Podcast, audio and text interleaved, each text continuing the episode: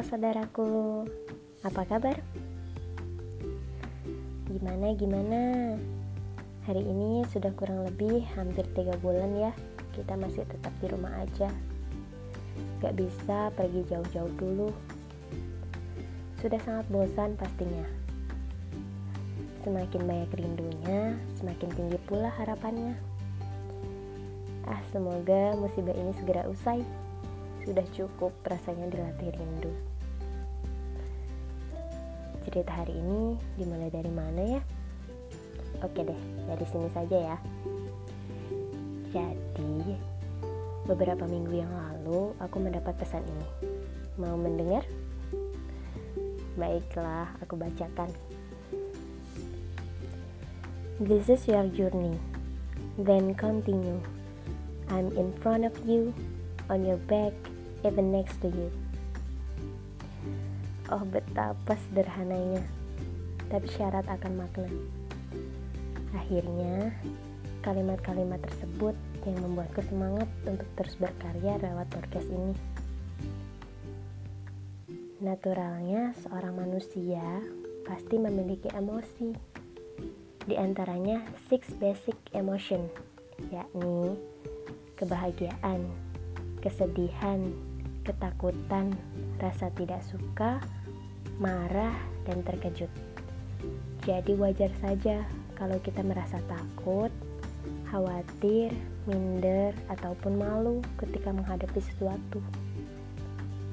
Iya, aku dan segala musimnya yang berubah-ubah. Tapi sungguh indah ya, manusia tidak diciptakan tinggal sendirian di bumi ini akan ada orang yang diutus dan dipercaya untuk menyimpan cerita-cerita kita. Karena masalah tidak seharusnya dipendam sendiri. Seperti aku yang kerap kali merasa, ah, memangnya aku bisa. Mungkin gak ya? Oke, aku bisa. Tapi, ah takut ah gak berani Pernah suatu ketika aku memintanya untuk mendengarkan saja tanpa harus banyak berkomentar. Diiringi kalimat, kamu solutif tapi tidak berempati. Aku bilang begitu. Memang, tipikal orang curhat itu tidak selalu meminta untuk diberi saran atau nasihat. Ada yang hanya minta didengarkan saja. Tapi ternyata, ada kalanya kita butuh akan nasihat-nasihat tersebut lama-kelamaan orang yang istilahnya dalam tanda kutip mendukung keputusasaan kita juga dapat menjadi orang yang tidak baik. Jadi sebetulnya yang kita butuhkan bukanlah orang yang selalu ikut marah ketika kita marah, orang yang selalu ikut merasa kecewa ketika kita kecewa, tapi orang yang menumbuhkan semangat dan optimis bahkan yang mengingatkan kita untuk bersyukur ketika kita merasa terlalu senang. Tentunya bukan karena ia tidak turut merasa senang, namun mengingatkan bahwa senang itu tidak boleh kelewat batas dan melupakan siapa yang ada di balik semuanya.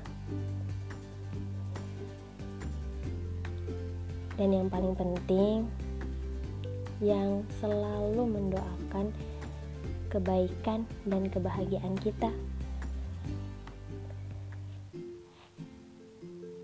Orang yang akan mengatakan hal yang aku butuhkan instead of hal-hal yang ingin aku dengar.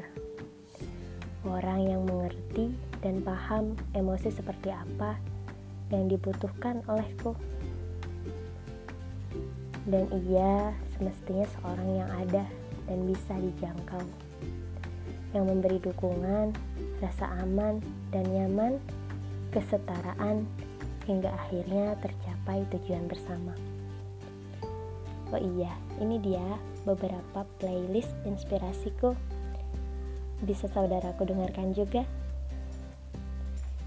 Yang pertama garis terdepan karyanya Bung Firsa Lirik pertama begini.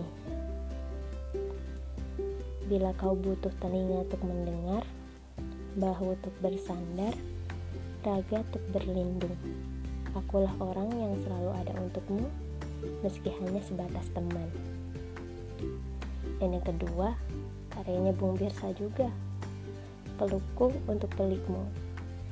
Begini liriknya.